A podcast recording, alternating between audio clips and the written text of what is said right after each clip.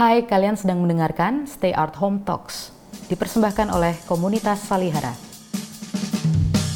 Program ini menghadirkan kembali perbincangan yang terjadi di Salihara seputar masalah seni, budaya, dan sosial sebagai asupan pemikiran dan pemecah kejenuhan bagi kamu di mana saja. Sekedar pengantar, baik diskusi kita mau memperbincangkan soal peran negara dalam ya uh, bidang politik ekonomi dan ada dua pembicara kita pada malam ini ada Pak Muhtar Masud dari uh, UGM kemudian yang kedua ada Poltak uh, Hotradiro uh, ketua divisi penelitian di Bursa Efek uh, Indonesia dan moderatornya ada Mas Mahmud Saltut, Direktur Eksekutif Pasifis UI, alumnus dari uh, Prancis. Baik, saya serahkan kepada Mas Mahmud Saltut untuk memandu diskusi. Sebagai pengantar, pada saat kita berbicara tentang peran negara, saya diajarkan uh, bahwa peran negara ada tiga fungsi. Tapi ini menjadi sangat berbeda uh, dengan konsepnya uh, Pak Muhtar Masud. Misalnya menurut beliau ada peran banyak yang menurut saya istilahnya cukup sulit ya peran emancipatif lah bagaimana negara memberikan apa namanya meningkatkan emansipasi warga negara terus bagaimana merubah uh, pola klientelisme menjadi citizenship rights. Terus bagaimana uh, negara punya tanggung jawab untuk menyehatkan mencerdaskan dan mensejahterakan bangsa. Sepengetahuan saya dalam ilmu HI yang konvensional ya Pak. Itu peran negara sebenarnya cuma tiga fungsinya. Pertama eh, dalam konteks security keamanan bahwa negara harus memberikan keamanan. Terus yang kedua negara harus memberikan kesejahteraan dan yang ketiga bahwa negara harus mem mem memiliki fungsi koordinasi antara dua fungsi itu. Nah kemudian misalnya kita belajar dari perspektif AI yang mungkin jadi sangat berbeda dalam perspektif uh, ekonomi kita diajarkan dua titik ekstrim yang sebenarnya menurut saya sama-sama dalam madhab uh, atau rumah besar yang bernama rasionalitas HI itu ada uh, pandangan liberal dan pandangan realis. Dan satu, lagi satu madhab yang sama-sama berada di rumah besar rasionalitas madhab marxisme sebenarnya. Nah dari dua perspektif yang sekarang tampak karena dalam banyak uh, apa namanya perkembangan yang kita jumpai sekarang kecenderungan ini juga menjadi sangat menarik. Misalnya bagaimana pasca kemenangan François Hollande di uh, election 2012 uh, apa namanya Pilpres Prancis 2012 sosialisme menjadi menang tidak besar-besar banget 51 banding 48, sekian. Pertanyaannya apakah benar ini menjadi semacam oke okay, kita kembali ke sosialisme? Apakah sosialisme kemudian menjadi sebuah kunci? Bahwa ternyata di sini misalnya si François Hollande dalam diskursnya bahwa saatnya sekarang le changement est maintenant perubahan itu mulai sekarang. Caranya di, dengan apa? Perkuat negara. Itu menjadi menjadi bahan pengantar. Apakah memang benar seperti itu? Apakah kemudian memperkuat negara menjadi jawaban krisis. Jika ternyata negaranya sendiri acak adut, misalnya negaranya kacrut, ya mohon maaf, misalnya seperti Indonesia, apa iya kita memperkuat negara? Apa misalnya kalau kita memperkuat negara, apakah sama dengan ternyata kita memperkuat kekacrutan negara? Ini kan menjadi sebuah pertanyaan. Di dua titik ekstrim ini, sebenarnya negara Indonesia ini mau dibawa ke mana sih Pak? bang misalnya gitu apakah kita dibawa ke memang perkuat negara atau bagaimana misal kalau kita belajar di game teori misalnya beberapa pandangan AI misalnya kita melihat titik ekstrimnya apa di liberal atau di realis kalau titik liberal acuannya semuanya diserahkan pasar asumsinya. Kalau pasar nggak bisa dikurangi dengan fungsi negara dan terusnya dan seterusnya. Kalau misalnya perspektifnya realis perspektifnya status sentrik negara menjadi pusat 100% itu negara. Kalau negara nggak bisa dilepas ke fungsi-fungsi lain. Entah itu masyarakat maupun pasar. Sebenarnya ada tiga kutub misalnya kita baca pendekatannya uh, Joseph Nye dalam The Future of Power. Nah titik ekstrim Indonesia ini di mana sebenarnya? Ini kan nggak jelas. Kalau misalnya ba- banyak yang melihat bahwa Indonesia sebenarnya negara bukan-bukan. Bukan liberal bukan realis yang satu sentrik bukan keduanya. Nah mungkin itu pengantar dari saya. Pak Muhtar Masud bisa menanggapi Terima kasih. Terima kasih perkenalannya. Nah, saya ingin mengatakan bahwa karena itu ketika para pemimpin ini merdeka, pikirannya sederhana. Bagaimana membuat bangsa ini menjadi sehat, pintar, dan makmur? Gitu. Kata makmur itu ditolak oleh teman-teman di BP Muhammadiyah. Jangan makmur lah apa sejahtera. Ya manut lah. Gitu saya, saya, kan, saya itu tidak suka konflik lah. Apa sejahtera boleh? Tapi yang ingin saya katakan adalah cara berpikir sederhana itu dimengerti oleh yang apa oleh yang mendengarkan gitu zaman itu. Jadi pikirannya negara itu dibuat untuk apa gitu. Jadi bunyinya itu untuk apa gitu. Untuk yaitu membuat bangsa ini gitu. Karena itu kalau dibawa ke sejarah tapi yang usulnya urusannya sering kali Eropa itu emang kita agak agak sulit lah. Fungsi itu fungsi itu. Yang sekarang lalu kelihatannya menjadi ideal wah itu kan ideal gitu. Sebab mengukur Indonesia sekarang dengan tiga ukuran itu sehat cerdas dan makmur anda akan dimarahi orang gitu. Ukurnya jangan itu. Berarti 60 tahun tidak ada gunanya. Memang tidak ada gunanya kira-kira gitu. Kan kita tidak sehat gitu. Kita kurang cerdas gitu. Ketika nilai Eptanas murni SMA diumum masih diumumkan gitu. Sekarang kan tidak diumumkan nilai Eptanas murni untuk matematika nasional itu di bawah 4 banyak orang mengeluh mengenai negara akhir-akhir ini. Malah saya lupa sekian bulan yang lalu itu di Jakarta ini katanya semua sedang berpikir mengenai teknologi pesawat terbang yang ada pesawat terbang tidak pakai orang aja bisa gitu katanya kan. Itu kan sangat apa sangat mengatakan oh negara sebetulnya tidak perlu dia urus apa kan. Berikan pada orang lain saja gitu. Jadi tidak pakai pilot pun boleh katanya. Nah saya ingin mengatakan bahwa kritik-kritik itu kalau boleh saya sederhanakan yaitu bahwa sebenarnya kita membayangkan tidak mungkin mengerjakan pekerjaan yang dibayangkan seperti di kita masa awal merdeka itu kalau negaranya tidak tidak kuat kuat dalam pengertian ketika dia membuat keputusan dia bisa menjalankan dan bertanggung jawab asas akibatnya. Itu loh itu yang saya maksud kuat. Bukan kuat itu lalu ototnya apa gitu bisa mendungi orang ke sana kemari gitu.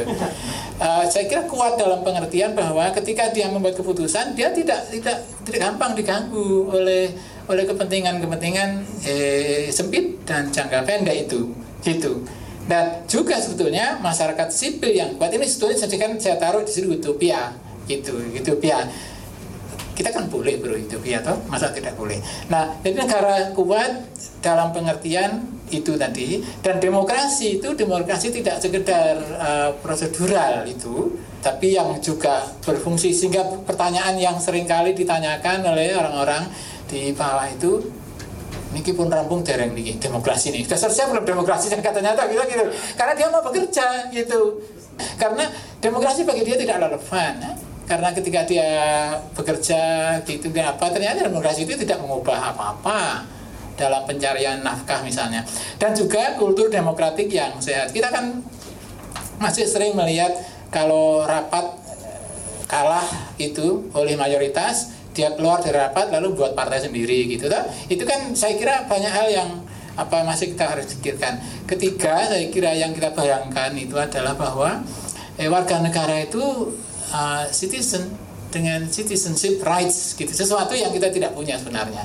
Ini kan kita ambil dari jauh dari Eropa sana pengerti. Tapi yang ingin saya katakan adalah bahwa tidak mungkin menjalankan tugas membuat rakyat sehat cerdas dan makmur itu kalau negaranya bahasa Jawanya minggrang minggring gitu ini gitu ternyata jangan gitu pak. Repot nanti. Ah kalau begitu dulu dulu tunggu dulu gitu. Jadi kami kan orang di kerja di universitas sekarang kan bingung tuh katanya RUU-nya sudah mau diketuk tiga bulan lalu apa apa gitu nah sekarang ternyata diundur lagi dan nanti tidak jadi gitu. Apa ke apa ketidakpastian mengenai itu saya kira gitu. Nah jangan lupa juga negara yang kuat itu yang percaya diri gitu. Seringkali itu yang sulit. Memang kemudian orang bertanya, apa mungkin kita punya pemimpin sekarang yang bisa apa punya percaya diri karena dalam sejarah Indonesia tidak ada partai yang pernah lebih apa tidak ada partai di Indonesia yang menang pemilu secara demokratis jangan bayangkan udah baru uh, yang bisa menang lebih dari uh, menang sendiri cukup untuk memerintah kan tidak ada. Kan uh, ya 55 itu hanya 24 atau berapa yang paling banyak itu PNI PNI Masumi NUPKI uh, lalu 99 kan gitu juga ada jadi tidak ada itu. Karena tidak ada lalu terpaksa harus berkoalisi. Berkoalisi tidak dilengkapi dengan kultur untuk berkompromi, kultur untuk mencari konsensus gitu. Kultur kita selalu mencari musuh gitu. Setiap kali ngomong tuh yang yang tajam-tajam sehingga tidak usah ditusukkan itu tersenggol saja sudah tersinggung kan orang lain gitu. Jadi saya kira itu kita tidak punya kultur yang memungkinkan kita untuk mengembangkan kehidupan eh, pemerintahan atau apa eh, ini eh, rezim politik yang uh, cukup kuat gitu.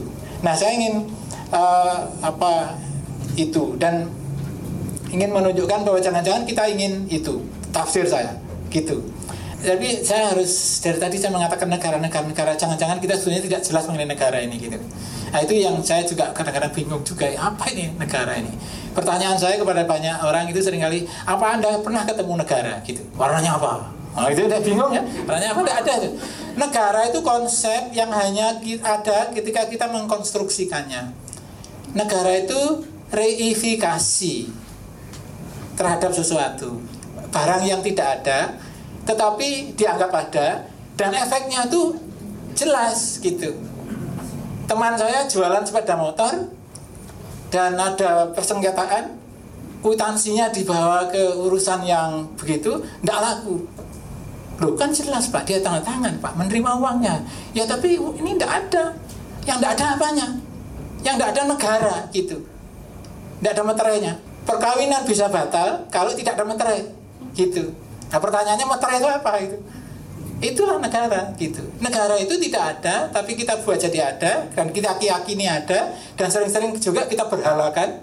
Oh, nyanyinya itu kadang-kadang wah, wah gitu kan gitu. Nah saya ingin mengatakan bahwa negara itu eh, harus ada ketika kehidupan modern ini harus berlangsung gitu.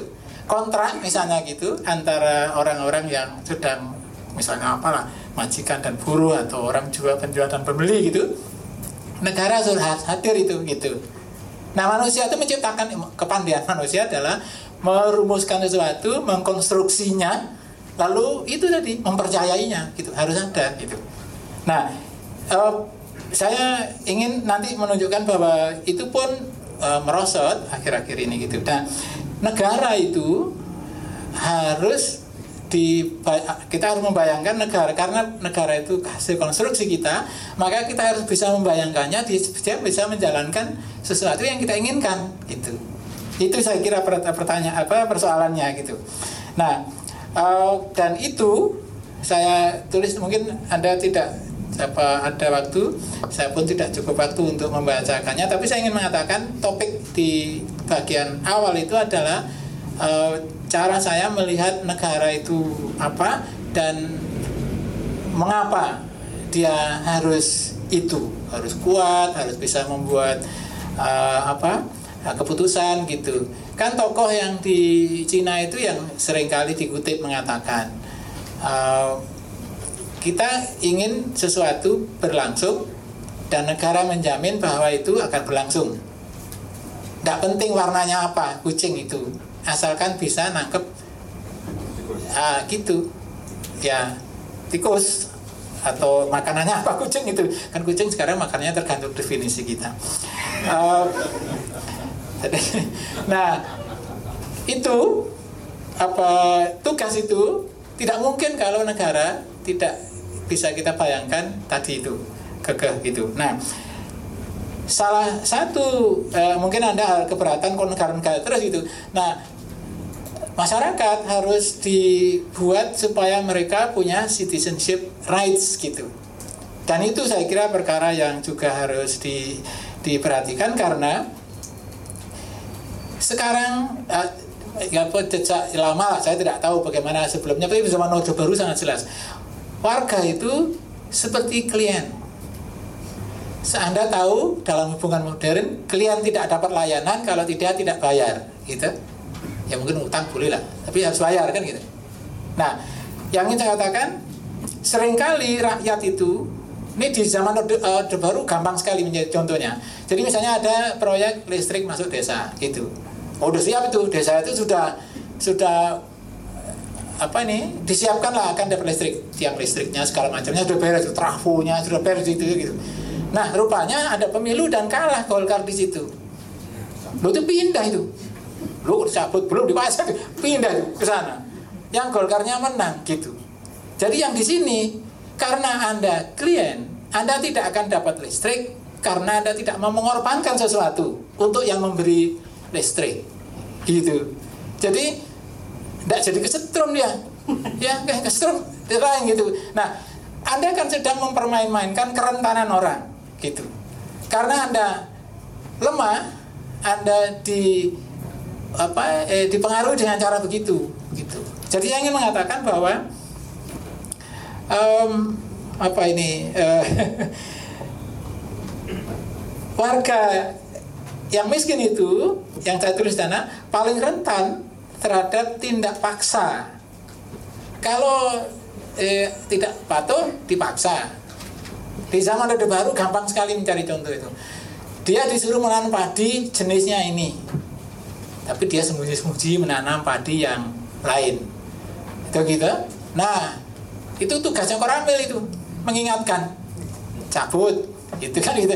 Jadi itu orang itu kasihan juga zaman itu ya. Kan ditugasi untuk nembak Belanda. Tapi Belanda aja ada yang itu ngurusnya putih padi itu. Nah itu artinya anda dipaksa untuk anda kehilangan citizenship rights tidak bisa memilih mau berbuat apa mau memproduksi apa. Itu tidak bisa.